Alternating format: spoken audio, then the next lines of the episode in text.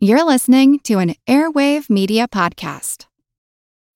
When you need mealtime inspiration, it's worth shopping Kroger, where you'll find over 30,000 mouthwatering choices that excite your inner foodie. And no matter what tasty choice you make, you'll enjoy our everyday low prices, plus extra ways to save, like digital coupons worth over $600 each week. You can also save up to $1 off per gallon at the pump with fuel points. More savings and more inspiring flavors make shopping Kroger worth it every time. Kroger, fresh for everyone. Fuel restrictions apply.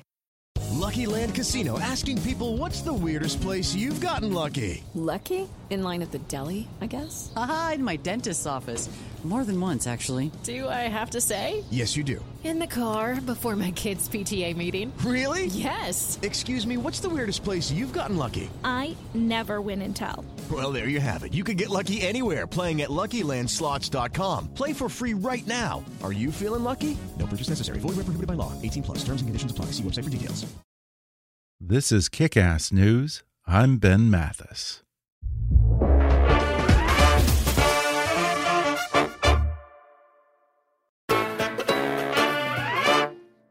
Adam Carolla has the Guinness World Record for the most downloaded podcast in history. So today, I'm happy to welcome him to my slightly less downloaded podcast. He has a new bestseller in which he takes down hashtag heroes, social justice warriors, cancel culture, and more. It's called I'm Your Emotional Support Animal Navigating Our All Woke, No Joke Culture. And today he joins me on the show to explain why he's given up on apologizing to people, why he's standing up for his friend Jimmy Kimmel in the midst of the late night show host's blackface controversy, and why he believes that people who virtue signal their outrage on behalf of someone else are really quietly racist. Then Adam says that the Me Too movement has actually gone too far. Guys need to man up and embrace resilience again, and our culture should stop getting so attached to statues and symbols. He breaks down his political philosophy for me and why he's sort of agnostic on the whole mask versus no mask controversy. Plus, he recalls his impressions of Donald Trump from his stint on Celebrity Apprentice and how a segment producer on the show hoodwinked him into getting fired in the boardroom. Coming up with Adam Carolla in just a moment.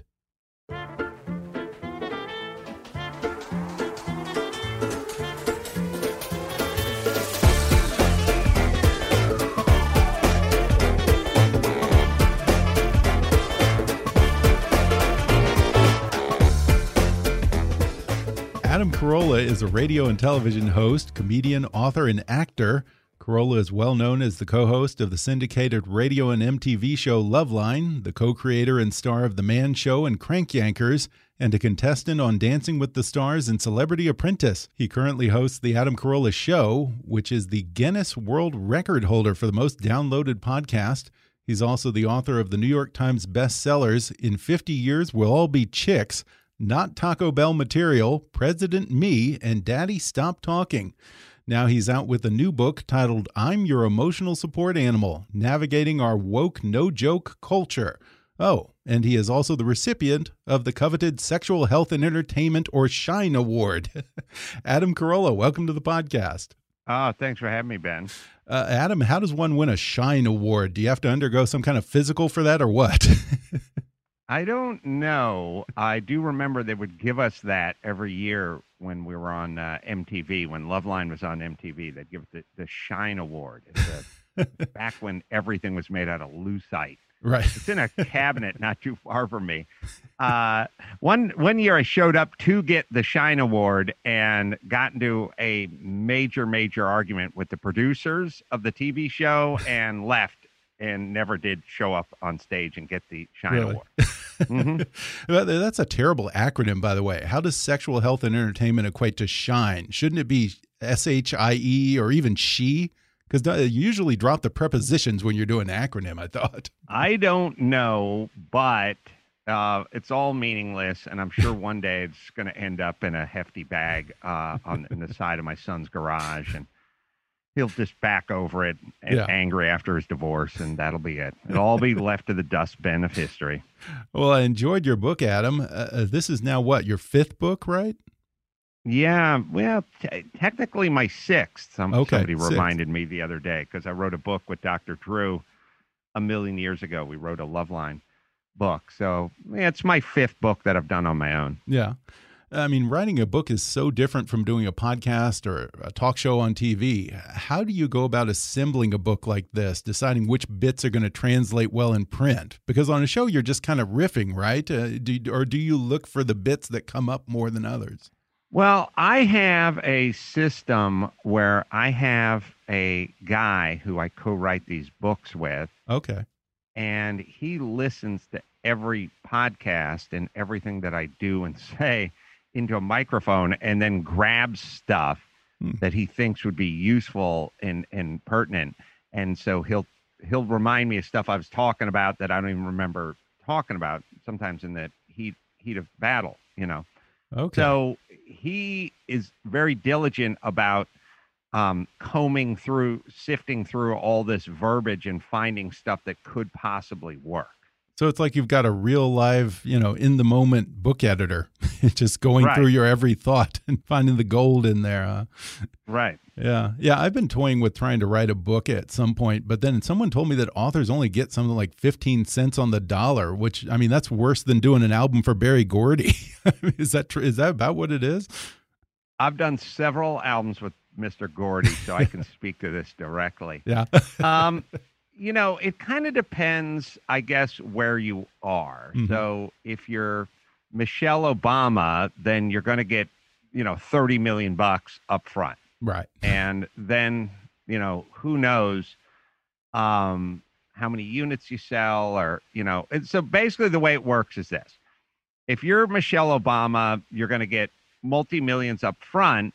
And then once they break 500,000 units sold or a million units sold, once you they get once they become whole Uh huh. on, on you know, it's called an advance, right? Right. So they advance you you know, 10 million dollars and once they get past 10 million dollars, they get whole and then you can start whacking up the rest. Is Oh, usually okay. How, how that. it works. Now Okay. there's Huh.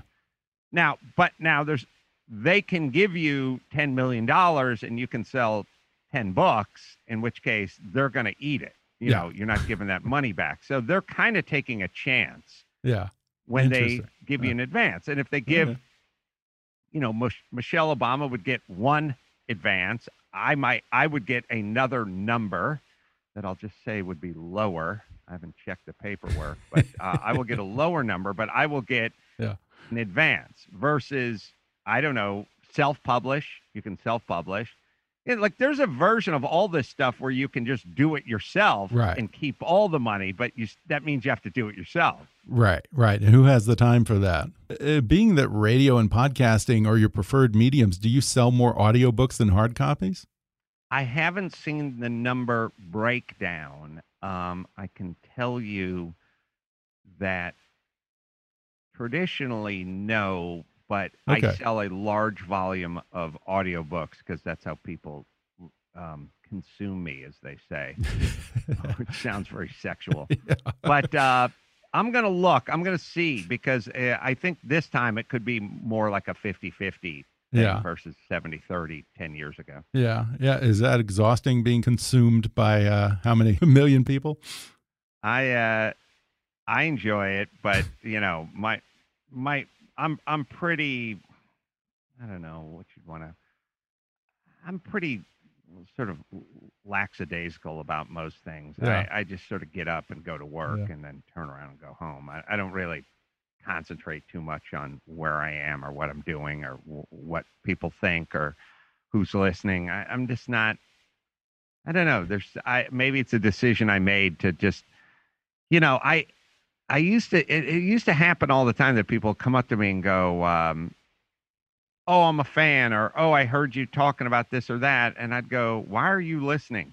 Like I wouldn't even understand why people would listen. You know, and they'd go, "I, I like to listen," and it, I've always kind of put myself into that position, which is I'm just talking into a microphone. I Mhm. don't I don't picture people listening. I think Yeah. if you picture people listening, it it you stumble a little bit.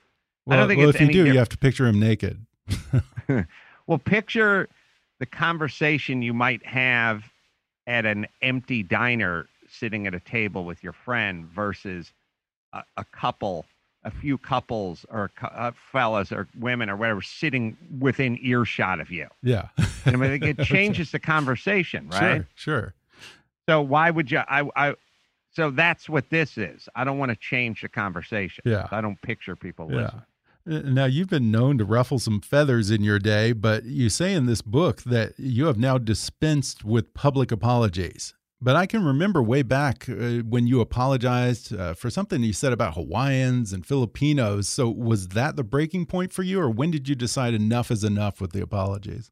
Well, the Hawaiians. I'm trying to think. I called them stupid. I think back in the back in the day, which is. uh I, I posed the. I, it was a question that I posed on uh, Loveline a, a million years ago, but uh, I think we lost our Hawaiian affiliate Oh, really? that. I think I remember them canceling uh, the Loveline. And Filipinos, you screw around Filipinos, they put they put a fatwa on your head. Like they they literally will they will send a crew over to to take you out. Like I remember I talking to Jon Stewart about it once. He's like, for some reason, Filipinos, you can't mess with those people. Like you need sec- you'll you'll have to hire round the clock security if you uh, mess with those people. But there's certain things. See, here's the thing. You know, this thing of like people go, "Oh, never," or I say never apologize. I don't. I don't never apologize. I apologize to.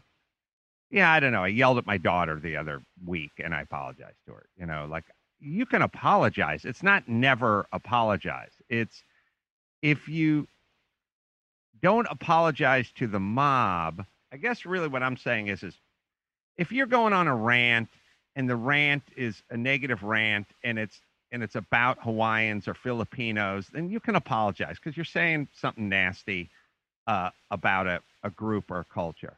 If you are saying, here's my opinion on the coronavirus, or here's my opinion on Black Lives Matter, or here's my opinion on Donald Trump or Joe Biden or whoever it is, then that's your opinion.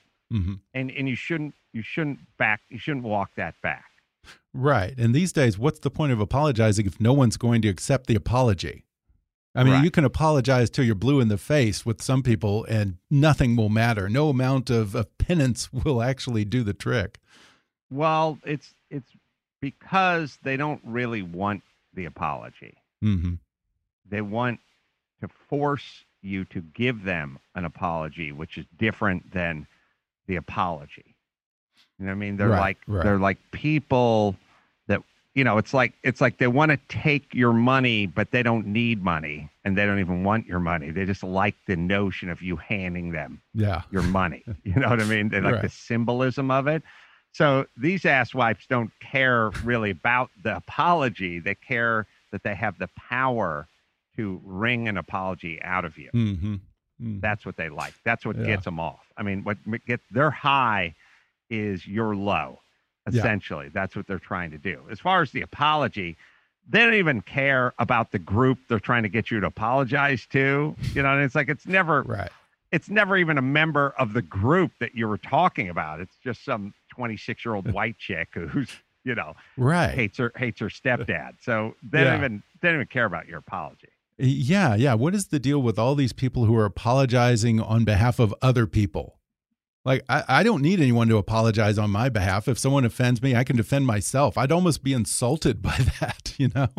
Well, there it's a form of racism, which is these people, whoever these people are, aren't capable of speaking for themselves or defending. Mhm. I must take care of these these people. So it's part of that. It's Mm. narcissism meets, you know, racist racism essentially. They're Mhm. sort of backwards racist. They're accusing everyone of being a racist, but they're really the racist, A, because they're seem to be obsessed with race, number one. Number two, they have anointed themselves the sort of leader of of what you know what this group can tolerate and what they can't tolerate and that they're gonna eh, they're gonna you know be the spokesperson for them which is a pretty racist thought in any group you know? It doesn't really matter. Like this this notion of like i speak for the fill in the blank community. Really? How does Right. that work? Who voted on your ass?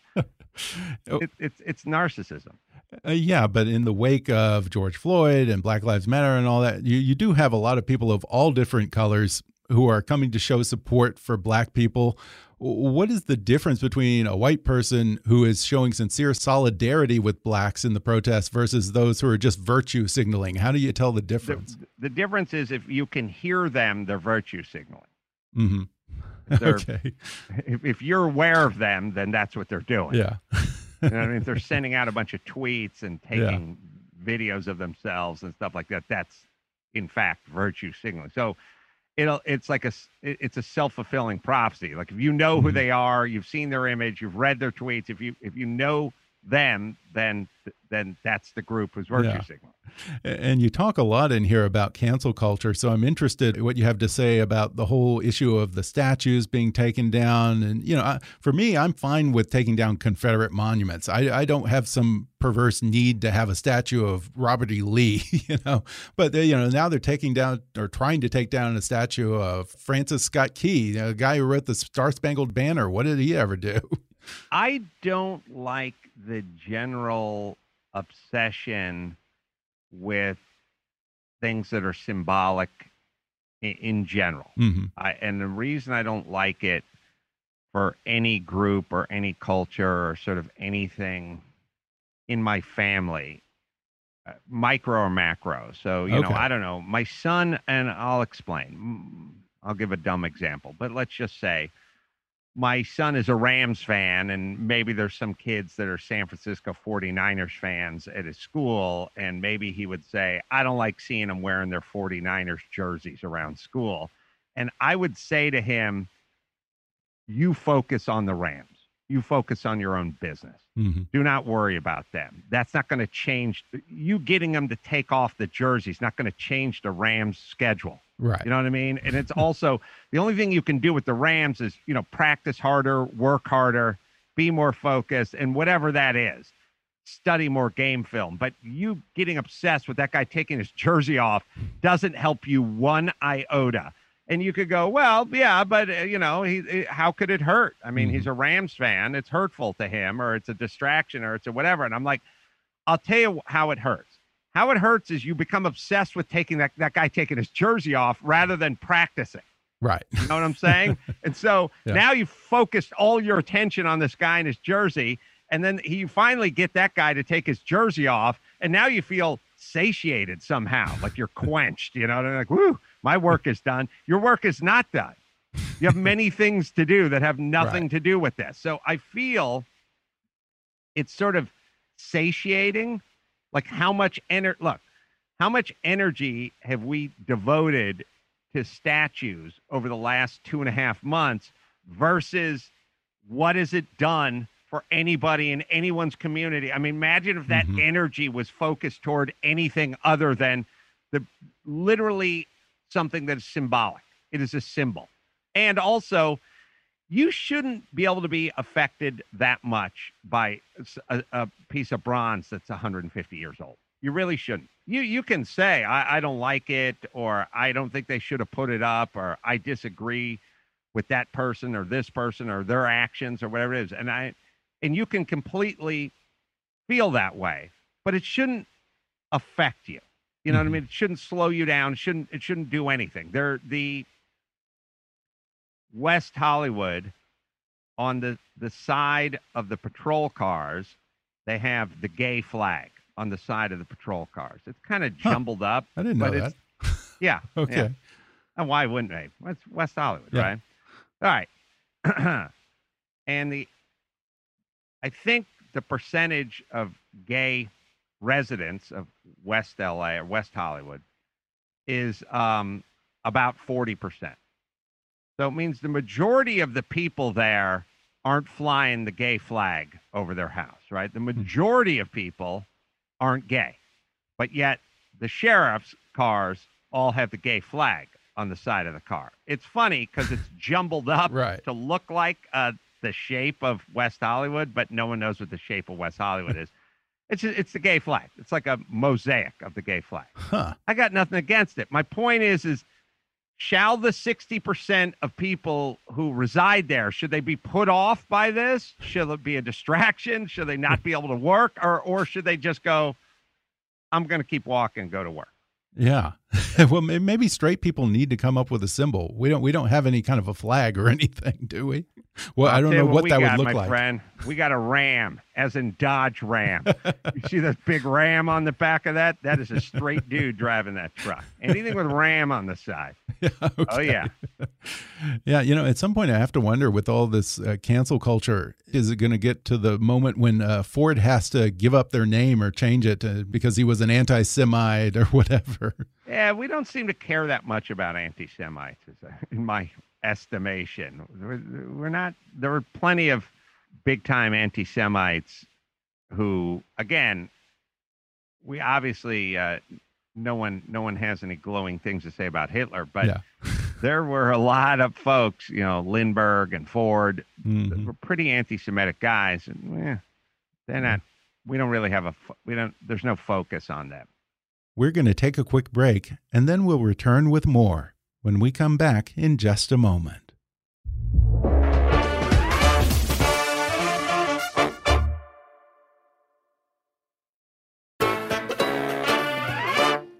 Now, you recently came to the defense of your buddy Jimmy Kimmel, who kind of got caught up in all this uh, for wearing blackface way back when on The Man Show. What's the difference between when Jimmy does it versus when, I don't know, Al Jolson does it? If anyone gets an Al Jolson reference anymore. Um, well, what Al Jolson did is blackface, like Mhm. playing a generic black character. Okay. You know, and what Jimmy did was play Karl Malone, who's Okay. a black man. So, like, one is an impersonation. And I think this is really important because when you are just doing Al Jolson or blackface, you are just literally generically doing a black person for other for basically white people's entertainment. You Mhm. know what I mean? okay. When you are playing Mr. T or Chris Rock or whoever it is, you are doing a, an individual. And and thus it's not blackface, it's Chris Rock who is black Right. or or Karl Malone who is black. So when you're in the realm of performing, whether it's the Man Show or SNL, if you wanted to do Chris Rock and you were Jimmy Fallon, I don't. Would you do it with no wig? yeah. Like, would you Right, yeah, do how do it you do with that? nothing? Like, no Yeah. dress? Like, how would you do it? You know what I mean? Or maybe you do the dress and the wig and everything else and not the color of the skin, which Mhm. would then probably fall a little bit flat or play weird. Yeah. So to me, to me, the the rule is is are you impersonating someone we know, or are you impersonating a member of society who's black? And thus, that's my Okay. division. There's Okay. complete context for playing Oprah. Okay, I, I think I get what you're saying. So the issue is whether it's a caricature of a race or a group of people versus an impersonation of a specific public figure. Yeah, and like if you're, you know, if you were making, if let's say you were Eddie Murphy, and you wanted to make fun of Donald Trump, so you did like a Donald Trump, Mhm. that's fine. But but it wouldn't be fine if you're Eddie Murphy going, I'm going to make fun of white people, and you just did white people. Well, Yeah. this is the same difference. It's sort of a specific versus a generic. Yeah. Uh, you also treaded into some more dangerous territory in your book by talking about the Me Too movement. Uh, I kind of agree with you, though. You know, it's heresy to even suggest that there's a distinction between a Harvey Weinstein and an Aziz Ansari. You know, a guy goes on a date and tries to make a move, and suddenly he's branded a creep. Uh, do you think it's gone too far at this point? All movements go too far. Mhm. Right. That's what how how movements work. You Mhm. know, it's like has PETA gone too far? Yes, PETA has gone too far. Has the ACLU gone too far? Yes. Has the Yeah. Sierra Club gone too far? Yes. They all go too far. yeah. They can't stop. That's the whole point. They all go too far. Black Lives Matter starts off with Black Lives Matter. Next thing you know, their their charters discussing Israel. You know, Mhm. you know what I mean? Like they just go. That's what all movements do. That's what happened with Tailhook. Start off as a couple of guys, a couple of pilots getting drunk in San Diego. Next thing you know, it's an orgy.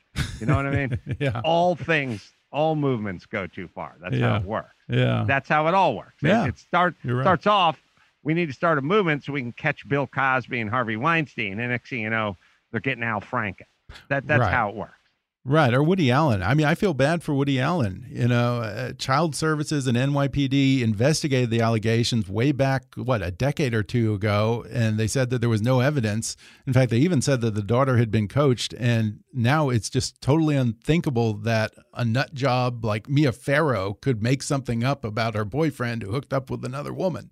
This was all settled ages ago, and now the guy can't even make a movie anymore. He lost his deal with Amazon. He's done. Yeah. Poor guy. He only made 182 movies, and now they pull the plug. Yeah. yeah, you know the other one who got in a lot of trouble under me too, and rightly so, was Mario Batali. And you know, I can tell you I- had Mario Batali on the show before all of this began, and you could knock me over with a feather if you ever told me that that guy was one day going to be accused of sexually harassing a woman. he was just so over the top flamboyant. I, I was as shocked to learn that he was straight as I was to learn that Rock Hudson was gay. Your life is a series of shocks having to do with other people's sexuality, Ben. Pretty much. I need to mind my own business. Yeah, I uh I mean it's uh you know, I don't even pay attention anymore. On God's honest. I just go about my life. I didn't try not Good for you, man. who's been outed this week. Yeah.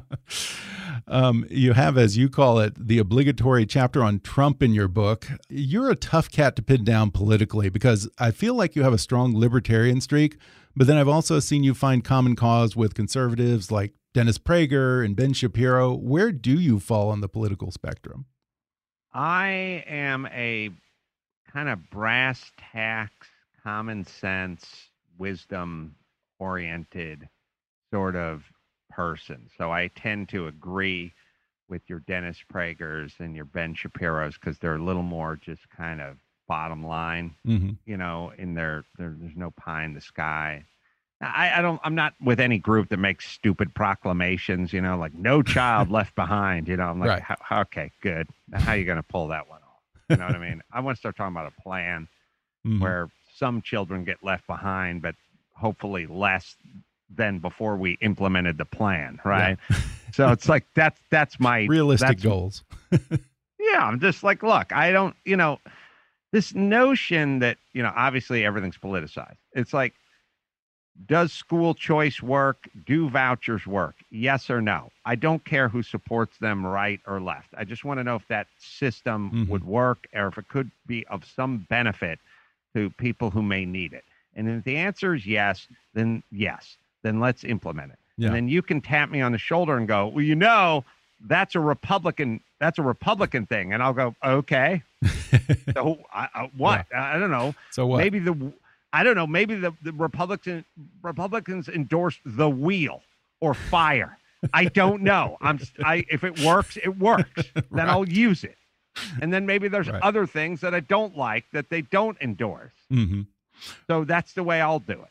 Right, right. I mean, that's how I feel about uh, mass incarceration. You know, if we're taking a bunch of people off the street, nonviolent offenders, and sending them to prison only to make them worse criminals and separate them from their kids and all that, that's something that's not working. That's not political. That's just we're investing more and more money in making people's lives worse. Yeah, I, I agree. I, I agree with that. I mean, it's like I don't want mass incarceration, and I don't want you to be able to not ever be arrested for shoplifting in Seattle. If you're going to shoplift, then you get arrested. Like, I- Sure. fine.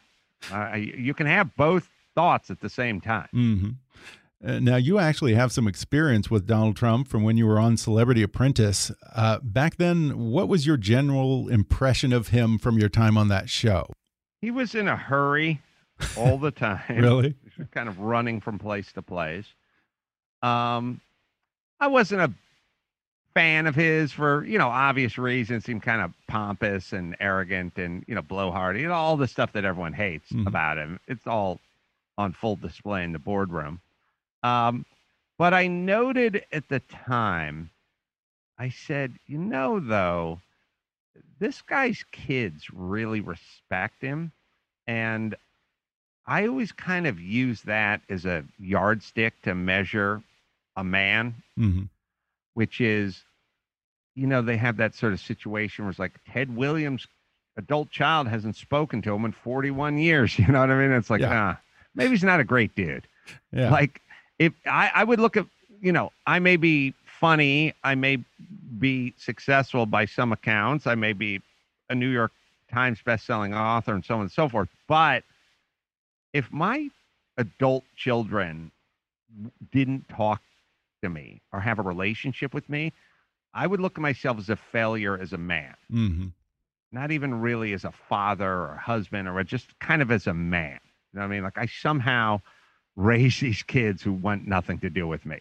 That's a, a yardstick to measure what kind of man I am. You can't really look at income or, you know, financial holdings or real estate. It's it's like that's a yardstick to measure what kind of man you are. hmm And I noted at the time that his kids really liked him and respected him. And I that meant something to me, even though I didn't particularly like him. I thought his kids really do. Yeah. And that that that means something. Uh, now the question is though, do they like him because they sincerely admire him, or do they like him because they're all on the payroll? I don't know. Um, they they all seem they were all, especially um, Ivanka, Mhm. was very well put together and very well spoken. I I was um, I was very taken by her poise. I was like, God, this woman is sharp and knows what she's doing. Like I, I the, my my takeaways were sort of Trump's in a hurry, kind of a blowhard, uh, but I get it. Like Mhm. I, I get that's who he is. Right, and it's TV. It's TV, and his kids like him and they respect him, Mhm. and they seem very well put together. the- Yeah. the, kids like they weren't showing up late, you know, s- smelling of scotch or anything. they were like there, boom, here we go, Yeah. you know. And uh, I remember thinking that that that meant something. Yeah, I can't remember how long did you last on Apprentice, and what did you eventually get fired for? Uh, I lasted, I don't know, four or five episodes. Um, I got fired because I got bad direction from their uh, segment producer. Really? I mean, what happened? well, uh, they would give you the they would give you the outline of what they were doing, and then they would they'd give you like here's the competition. You know, Pontiac is releasing a new car, and you got to talk up the car, and it was it was a big it, it was really kind of a uh, cavalcade of of bad coincidences or circumstances. It was first things first. I had Michael Andretti was like next to me, and they were like, Pontiac is releasing a new car. Who's going to be the team leader? And everyone just looked at Michael Andretti because he's an Andretti, you know. And what we didn't really know was going on at the time is his sponsor was Honda, I think, you know, who built his race engine. So he Oh, couldn't man. step up and do a commercial for Pontiac, Right. you know. So everyone just kind of looked at him like, "Go ahead, Michael," and he's like, uh, I, "I'm good," you know. And it was like ten seconds, everybody, and then everyone looked at me and went, uh, "Well, you're the next guy who knows something about cars. Why don't you do it?" And I was like, "Okay, I'll do it." So I raised my hand, and then when they gave you the the briefing on it, they were like, "You're going to get up there. You're going to launch this car." It's going to be like Steve Jobs launching an Apple computer whatever. And I, so we went back to the boardroom and I was like, all right, uh, you know, you're going to do this and you're going to do that. And we're all going to be up on stage and blah, blah, blah. And Penn Jillette kept saying, didn't you hear what the guy said? He said, we're going to do it like Apple computer does a launch, like, like Steve Jobs. And I was like, I've never really even seen one. So he pulled one up online and he's like, you see a bunch of people up on stage with Steve Jobs, or you just see Steve Jobs? And I was like, oh, okay. So they want us to do it that way. All right, I'll be Steve Jobs, and then you guys will be out in the audience and we'll blah, blah, blah. Then when we get to, by the way, I kicked ass. Sorry, Yeah. I just memorized all the car stuff and I'm good. then later on, and I brought, I brought Michael Andretti out on stage with me because I knew he'd need to whatever, but he wasn't that good on stage on his feet. Then later on, we got into the boardroom, and they said, "You were up there alone. You didn't utilize your team." And I said, Yeah, well, I was told off camera that uh, this is Steve Jobs type. They're like, well, you didn't utilize your players, man. Like, okay, well, perhaps you should fire the goddamn segment Yeah. producer who told me to do it like Steve Jobs then. So there was that. Wow. And then the next beef was they had two beefs. One beef is Michael Andretti is the car guy. He's the car guy. Why wasn't he the team leader? They kept saying it to me. I kept saying, I don't know. He wouldn't do it. So somebody needed. Why am I being penalized for running the team that he refused to run? so the two big beefs were why were you doing a Steve Jobs alone job? Well, because they told me to. And then the next beef was how come Michael Andretti didn't run the thing, which had nothing to do with me either. Those are the two knocks on on my performance. Yeah. And didn't you also get the dubious task of having to roast Donald Trump? Now, he, he's not known as a guy with a big sense of humor about himself. How did that go? It went pretty well. I did roast Really? him at the end, uh, at the end of the show, or when they came back and did the whatever event. And uh, you know, you call, you know, they always talk about Trump being uh, homophobic and racist and stuff like that. The two folks left at the end of my thing were Clay Aiken and Arsenio Hall. Those were the two Yeah. people left. None of the, you know, Lou Ferrignos or Polly the biker. Like we're all Yeah. gone. Gay guy and a black guy. I'm curious, are you in your usual studio or are you recording your show from home these days during the pandemic? Uh, I'm in my studio. Oh, okay. So you actually go into work still every day. I go everywhere every day, all day. Okay. I just got back from the racetrack. I fly Southwest. Really? I do shows. I travel. I go to the shop. I go everywhere. Yeah. Now you wrote an epilogue in your book that actually addresses coronavirus. And I'm curious where you fall on the whole mask issue. I'm I'm sort of surprised that this has become a political issue, the mask versus no mask thing. Where where are you on that? Well, I'm sort of I'm I'm kind of agnostic. Now, I remember 10 minutes ago everyone was telling you to wear gloves and spray Right. alcohol on all the bags you brought into the house and every box that got dropped off by UPS you had to wipe it down with a alcohol rag and then let it sit in the corner Yeah. in quarantine and all that and it all turned out to be nonsense of course so there's there's a lot of proclamations that are nonsense and everyone forgets about all the experts that were telling you how we had to wipe stuff down and hit it hit it with a woods light and put it in the microwave and you know all, all this right Right. you think about the two think about gloves why did everyone put gloves on i don't know that's what everyone said to do Right. all right, who were wrong, and then wipe everything down and take your shoes off. Don't get your shoes, take your shoes off outside the house. Mhm. Wrong, wrong, wrong. They're wrong about a lot of stuff. So now it's the mask. And now, by the way, when the stuff comes along, they're thoroughly convinced. They're thoroughly convinced on wiping everything down with alcohol that you brought into the house. They turn out to be wrong. Now they're thoroughly convinced about masks. Will they turn out to be wrong? I don't know. Huh. They've been wrong a lot. For me, it's like I don't wear the mask in my studio. I don't wear the mask when I drive. I don't. I don't wear the mask anywhere. But I put it on if I'm going to walk into a Trader Joe's because that's what Trader Joe's requires, Mm-hmm. Okay. and it makes Okay. people have some sense of control and something Mhm. they can't control. I don't know that it does anything. I don't know what that all this. Look, here's what I'm saying. The mask. I'm not. I'm not arguing against the science of a mask. What I'm arguing against is I'm on a Southwest flight with 90 people on the plane. Some people are wearing their mask under their nose. Some people are wearing a mask on their forehead and Right. drinking a beer. yeah, that doesn't I- count. Some people are wearing a, a, a handkerchief or a do rag over their face. I mean, th- I, I'm sorry, people. This isn't science. Do you ever talk to Dr. Drew about the coronavirus? What does he think about all this? Uh, he thinks it's over overblown, Really? and it's just a. I, I mean, there's 7.7 billion people on the planet. Yeah. We're not up to 750,000 dead on the planet. That's that's statistically, I don't know. That's not a that's not a good reason for a lockdown. And one thing that comes up a lot in your book is uh, this generational lack of coping mechanisms and basic life skills. Uh, what do you think are, are, the biggest things eroding our resilience as a species right now? Everyone is soft. Everyone is anxious.